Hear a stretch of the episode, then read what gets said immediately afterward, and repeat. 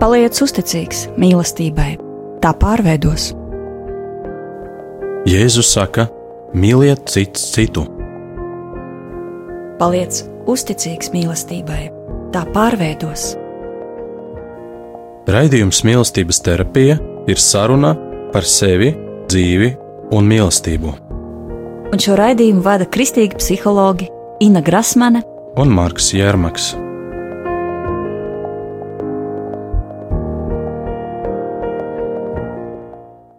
Labvakar, mīļie radio klausītāji!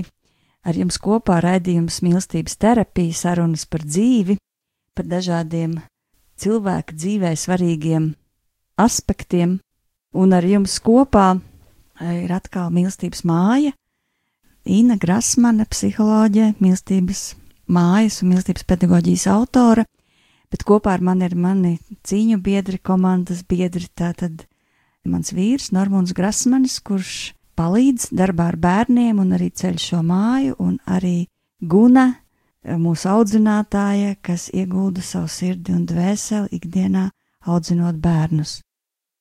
Šīs dienas tēma man liekas ļoti būtiska. Mēs turpinam sarunu par bērnu audzināšanu ģimenē un izglītības iestādē. Un mēs gribam šodien parunāt par to, kā audzināšanu veidot par terapeitisku procesu. Mūsdienās bērni skaļi kliedz tādā pārnestā nozīmē par to, ka viņiem ir nepieciešama palīdzība. Un šis ievainoto vai traucējumu skaits pie bērniem ir tik milzīgs statistiski, ka mums ir jādomā par to, kā mūsu audzināšanu gan izglītības iestādē, gan ģimenē organizēt kā terapeitisku audzināšanu, kas palīdz talantīgajiem kļūt stiprākam savos talantos, bet ievainotajam saņemt uh, dziedinājumu. Un mūsu mīlestības pedagoģiju mēs tādu šeit veidojam, radam šo terapeitisko sistēmu, un tādēļ ar savām atziņām un pārdomām par šo tēmu gribam arī ar jums šovakar padalīties. Un iesākt, kā vienmēr, gribu ar kādu piemēru, ar kādu stāstu par puisi, sauksim viņu par Pēteri, kurš iet skolā, un eh, mūsu skolā reiz nedēļā bērniem ir tāda mākslas terapijas stunda, kur viņi ar dažādu mākslas vingrinājumu palīdzību runā par to, ko viņi dziļi iekšienē jūt, un atklāja caur saviem zīmējumiem savu iekšējo dvēseles tādu realitāti. Un kāds puisis, lūk, šis Pēters, šajās mākslas terapijas stundās zīmējumus piepilda ar nāves tēmu. Viņš runā par to, ka viņš grib nomirt, ka viņš nesaprot dzīvē jēgu, viņš zīmē šīs miroņgalvas, viņš runā par to, ka viņš jau sen ir gribējis nomirt un ka viņš ir domājis par pašnāvību, bet šīs mākslas terapijas stundas ir vienīgais brīdis, kad viņš par to runā. Citā laikā skolā viņš dzīvo kā ļoti tāds uh, naivs, atvērtu sirdi zēns. Varbūt uh, tiešām tas ievainojums ir redzams, Viņš dažreiz lieto dažādas tādas aizsardzības, bet viņš ir tuvu pusauģu vecumam, un tādēļ, protams, tas ir visatbilstoši. Bet būtībā viņš ir ļoti tāds atvērts, šķīsts, varētu pat teikt. Ar viņu var ļoti dziļi parunāties. Un šīs sarunas, ko mēs kādreiz izvedam ar viņu, īpaši ko Normons izved, ļoti viņu stiprina un viņam palīdz. Un šajās sarunās viņš nekad nerunā par nāvi, bet par nāvi viņš runā tieši šajās terapijas stundās, kad ir jāatver kāda dvēseles daļa, kur varbūt eh, bērns ikdienā nav tādā kontaktā ar to. Un, protams, mums ir šis jautājums, kas ar šo zēnu notiek un kā audzināšanas sistēmu un mācīšanas sistēmu, kurā viņš dzīvo šeit skolā, varētu izveidot viņam terapeitisku un dziedinošu. Mūsu pasaule jau no pagājušā gadsimta vidus ir tādas nāves kultūras ietekmē. Mēs redzam, ka nāve tiek pielūgta, nāve tiek paaugstināta, un nāves šie simboli, ir redzami gan uz mūsu apģērbiem, gan mūsu filmās, kuras mēs redzam, gan multiplikācijas filmās, un mēs redzam, ka nāve ir tāds pielūgsmes objekts. Ar nāvi spēlējās gandrīz katrā spēlē. Ja mēs paskatāmies šīs video spēles, tad vienas šaušanas, un diemžēl vecāki nepievērš uzmanību šiem simboliem. Tas tiek pasniegts kā kaut kāds modes, tāds kliedziens, kā kaut kas tāds skaists, un, protams, kad uh, viss šīs miroņu galvas, kas uh, un visādi Helovīnu izgrabtie ķirbji, visas šīs lietas viņas ir pasniegtas tādā ļoti labā iepakojumā, visādas raganas un okultas, maģiskas lietas, kuras tiek pasniegtas caur presi, caur tiem pašiem apģērbiem, caur multfilmu, caur filmām. Nu, viņas visas ir ļoti tādas kārdinošas un atkarības no turienes nāk. Un netiek pievērsts šai problēmai pietiekoši liela uzmanība no vecāku puses. Mēs skatāmies, ka bērni valkā drēbes ar dažādiem spaidermeniem, ar dažādām tur eh, pokemoniem un ar miroņu galvām, arī sātaniskām zīmēm. Daudzos gadījumos es pat domāju, ka vecāki nav informēti, ka tas ir sātaniska zīme. Protams, ka visi zina, ka 666 tas ir eh, kaut kādi slikti skaitļi un ka tas tā kā apzīmē vēlnu, bet tajā pašā laikā liela daļa visādi slēptas nāves simbolikas, kuras ir uz apģērbiem, viņas nopietni degradē bērna garu. Un gars, ja viņš tiek traumēts, tad viņš saslimst, tāpatās kā mūsu ķermenis. Un ja mūsu ķermenim mēs paņemam un iedzeram tabletes, un tas var izārstēt, tad kādas tabletes lai gars lieto, pie tam vēl kā lai mēs uzzinām, ka šis gars ir traumēts. Un to mēs varam ieraudzīt caur šādiem notikumiem, kas ir, piemēram, puisis paņem un uzzīmē nāvi, viņš uzzīmē trīs sešniekus, viņš uzzīmē masonu zīmi, tā īsti neapzinoties, kas tad tas tāds ir. Tajā pašā laikā viņš ir pieslēdzies šim ļaunā gara dimensijai, šai ļaunā gara. Viņš ir pieslēdzies un viņš kalpotai. Kā mēs redzam, Tad vienīgais veids, kā ar to var tikt galā, tas ir runāt, izglītot un lūgt. The night.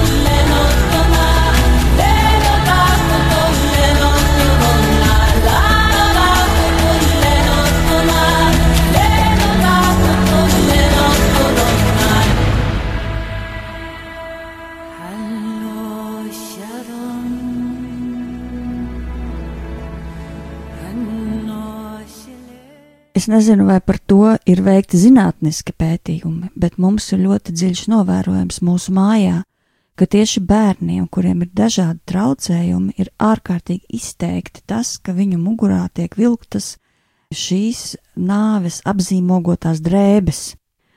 Un mēs vienmēr, kad mēs atkal uzņemam savā mājā kādu bērnu, kuram ir kāds traucējums, un ieraugam šo sakarību, ka šim bērnam ir šīs drēbes mugurā, jau visi bez vārdiem saskatāmies. Tā patiešām ir tāda ļoti redzama kulta zīme, un es varētu piekrist šim Normunda teiktajam, ka mēs piesaucam šādā veidā šo garu, mēs atdodam savu bērnu šim garam, vai tiešām tas ir tas, ko mēs apzināti gribam. Nu, lūk, protams, ja mēs runājam par terapeitisku pedagoģiju, par terapeitisku audzināšanu, ir ārkārtīgi būtiski ņemt vērā arī šos garīgos atbrīvošanas aspektus, es teiktu. Bet um, tāda autore, kas ir uh, pedagoģiskās psiholoģijas tāda pētniece, viņa ir austrālieta Gidleja, tāds ir viņas uzvārds. Viņa ir izveidojusi tādu modeli, pedagoģijas teorētisku modeli, kurā viņa ietver dažādus aspektus, kuri ir būtiski, lai pedagoģiskā sistēma būtu transformējoša personībai un terapeitiska. Un es gribētu nosaukt tikai tādus četrus pašus lielos un galvenos, kurus viņi piemin šajā modelī, un viens no tiem ir tas, par ko mēs daudz esam runājuši arī jau šajos raidījumos, tā ir mīlestība pedagoģijā. Viņi arī runā par to, ka tikai šī pedagoģa iekšējā nostāja, kas ir vērsta mīlestības virzienā pret bērnu, ka tas ir pirmais akmens, kas ir būtisks, lai bērns varētu transformēties vai atvesļoties, ja viņam ir kāda problēma. Un mīlestība ir ārkārtīgi dziļi saistīta ar vārdu garīgums.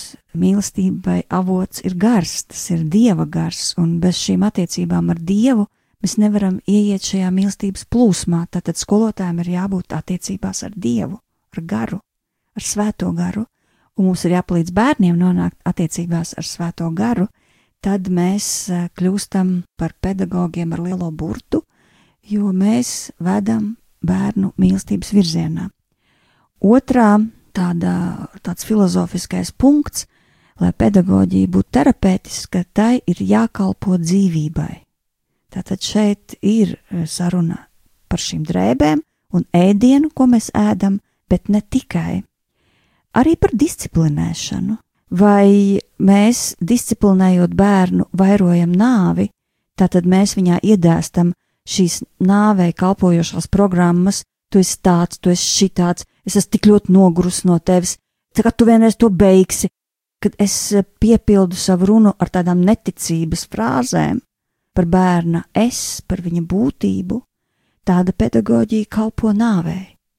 Savukārt, ja mani vārdi disciplinējot bērnus, runā par to, ka es tev ticu, ka es zinu, ka tu esi stiprāks par šo nāvi, varbūt kura tev šajā brīdī ir jāuzvar, ka mēs esam kopā, tā ir dzīvību vairojoša pedagoģija.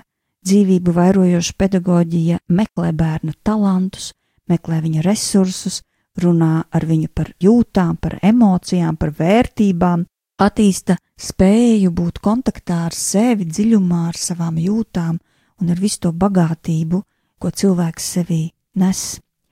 Trešā filozofiskā tāda pazīme, kad mēs varam uzskatīt savu pedagoģiju par terapeitisku, dziedinošu, tā ir tad, ja mēs ļoti apzināti lietojam vārdus. Vārds ir visa pamatā. Iesākumā bija vārds, to sāks Jāņa evaņģēlīs. Tātad vārds ir programma, un mūsu vārdi veido bērna dzīvi. Un tas ir ārkārtīgi būtiski apzināti lietot savu vārdu, apzināties, ka tas, ko mēs dienu no dienas saviem bērniem sakam, ka tas viņus veido, tas veido viņu veselību, tas veido viņu attieksmi pret dzīvi, tas veido to, kā viņi galu galā runās ar citiem cilvēkiem, tas veido viņa kultūru, tas veido viņa filozofiju. Kādus vārdus tu lieto savā ikdienā? No tā ir atkarīgs, vai tava pedagoģija, audzināšana ir terapeitiska, vai tā ir nāvi nesoša. Un mēs ļoti labi zinām, ka tikai iešana baznīcā mums neveido par dzīvību dodošiem cilvēkiem. Mums ir jāpārskata savi vārdi, jābūt godīgiem pašiem pret sevi. Un ceturtais tāds filozofiskais punkts ir gudrība, kuru mēs attīstam bērnos, kas ir savienota ar sirdi. Ka ne tikai pliks intelekts ir tas, kas veido īstu gudrību, bet cilvēka sirds, cilvēka intuitīvā gudrība, kura tiek ņemta vērā, un mēs eh, prātu mācām bērniem lietot saskaņā ar viņa sirdi, ar viņa intuitīvo izgudrojumu. Nevis otrādi, ka prāts ir tas, kas pakļauj sirdi. Tātad pedagoģija, kura gudrību savieno ar sirdi, ir dzīvības pedagoģija. Jā, es domāju par to, kā terapeitisku pedagoģiju izdzīvo jau pavisam mazi bērni mūsu mīlestības mājas bērnu dārzā. Tas, ko katrs vecāks var darīt savās mājās, tu vari vakarā iedot bērnam papīru, krāsas un lūgt, lai, lai viņš uzzīmē, kāda bija viņa diena. Tas ir tas, ko mēs darām šeit arī daudz mīlestības mājā. Dažkārt mēs dodam kādu uzdevumu mākslā, bet dažkārt vienkārši zīmē, ļaujies krāsām, kā tu šodien jūties. Kad bērns savu darbu ir pabeidzis, mēs pie katra pieejam un, un uh, lūdzam pastāstīt, kas ir, kas ir tas, kas tur ir attēlots, vai kas ir tas, ko tu gribēji šo zīmējumu pateikt. Un um, nereti Tikai paskatoties uz šo zīmējumu, es nekad nenolasītu to, ko viņš patiesībā ar to domājis. Tas norāda uz to, ka šis zīmējums nav vienkārši zīmējums, tā ir tiešām bijusi tāda dziļa terapija viņa, viņa dvēselē. Arī mūzika ir um, bērnu valoda. Mums uh, mīlestības uh, mājas skolā ir meitenes, kas uh, rada jau tagad, kā mazas meitenes, rada mūziku, tādu mūziku, kuru labprāt klausās kā lieli tā mazi svētkos, un um, viņas gan pašas sev palīdz ar to, ka viņas piepildi savu dienu ar vērtīgām lietām, ar savu talantu uh, kopšanu, gan arī, jā, iepriecina citus, viņām ir gandrījuma sajūta. Mūzika, uh, mūzikas radīšana, mūzikas dzirdēšana, dziedāšana, mūzika kā terapija. Un vēl kāda lieta svarīga, ko es gribētu pastāstīt par uh, terapeitiskiem stāstiem. Tas izklausās varbūt tā gudri un sarežģīti, bet patiesībā Mans vīrs ir, man šķiet, labs terapeitisko stāstu eksperts. Tad, kad mūsu bērni vakarā iet gulēt, tad viņi vēl lūdzās, tēti, tēti, pastāsti, lūdzu, vēl vienu stāstīņu. Nu, tas tā kā, lai, lai paildzinātu to gulēt neiešanas procesu, bet um, kādi tad ir šie stāsti? Bieži vien tie ir uz vietas sacerēti, bet vienmēr tur ir ievīta kāda doma, nu, kas mūsu bērniem ir aktuāls šai brīdī mazajiem tur bērndārzniekiem nereti tie stāsta varoņi ir kādi varbūt dzīvnieki.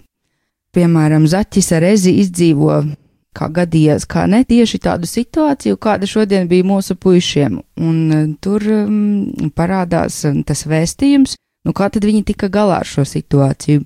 Nekād pēc tam netiek runāts par to, ka, nu, redz, tev arī jādara tāpat, tāpat kā tas zaķis un ezis to darīja, bet um, es domāju, bērnu sirdis ir sasniedzis, šī ziņa ir uh, sasniegusi viņus stāstam un mācam bērnus ne caur tādu moralizēšanu, bet caur pasakām, caur stāstiem. Tas ir tas arī, kā mēs to darām mīlestības mājā, ik pirmdienu pasakas vietā bērni dzird terapeitisko stāstu par um, kādu grupā aktuālu tēmu. Varbūt tas ir kāds eh, jautājums, kas ir aktuāls tikai vienam, bet te pašā laikā mēs nekad nezinām, kā tas izklausās vēl kādam, it kā tas nebija domāts viņam, bet terapeitiskie stāsti ir tie, kas ļoti, ļoti uzrunā bērnu sirdis. Dažkārt mēs eh, paši audzinātāji stāstam ļoti reālus stāstus no savas dzīves, par to, ko mēs esam piedzīvojuši kā mazas meitenes, un bērniem ļoti, ļoti patīk klausīties šos stāstus. May it be when darkness falls,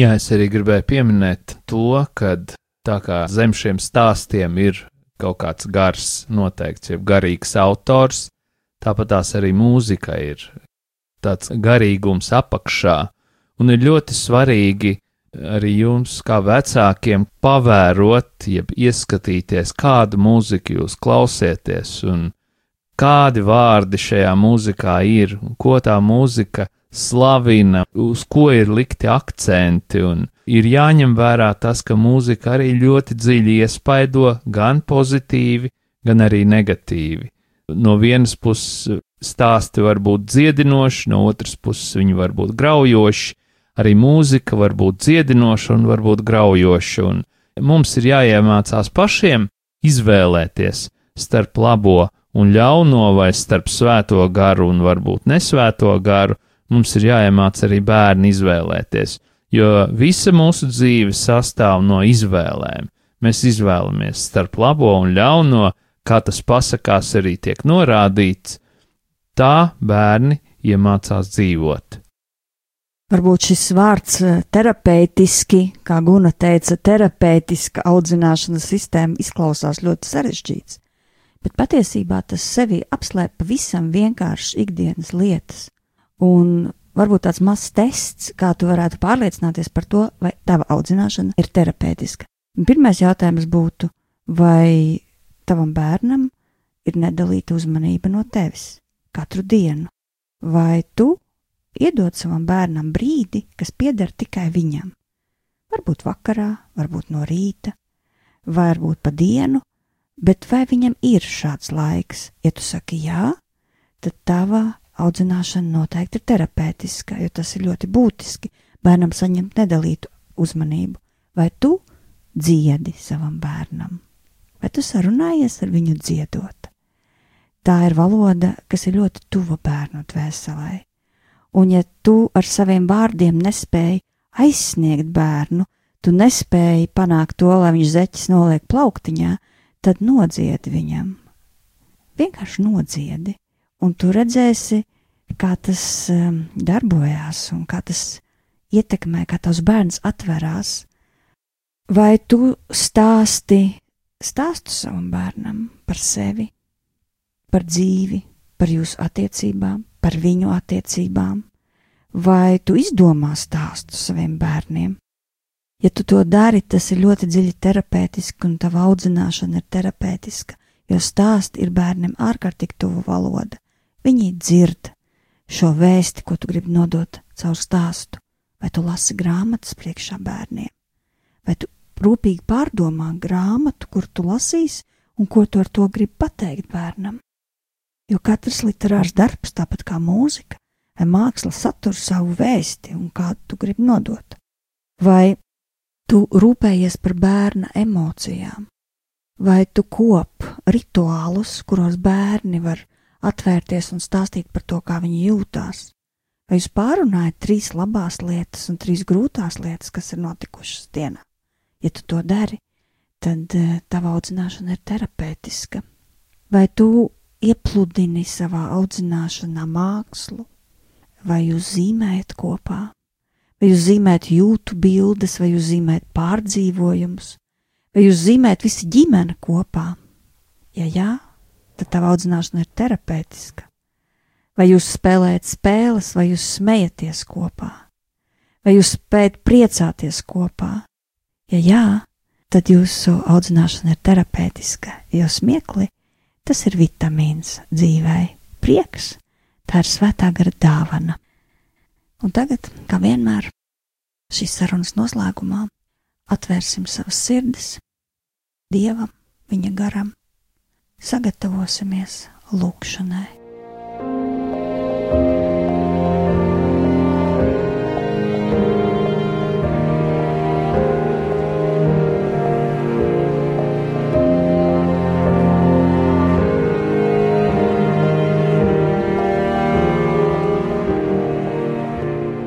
Mīļais debesu Tēvs, mēs Tev pateicamies par šo vakaru.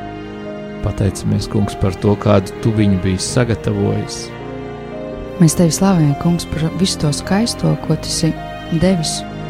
Mēs tevi slavējam par mūziku, par mākslu, par literatūru, brīnišķīgo pasauli, par dabu, par visu to, ko tu esi radījis un ka tu ļauj mums turpināt tavu radīšanas darbu.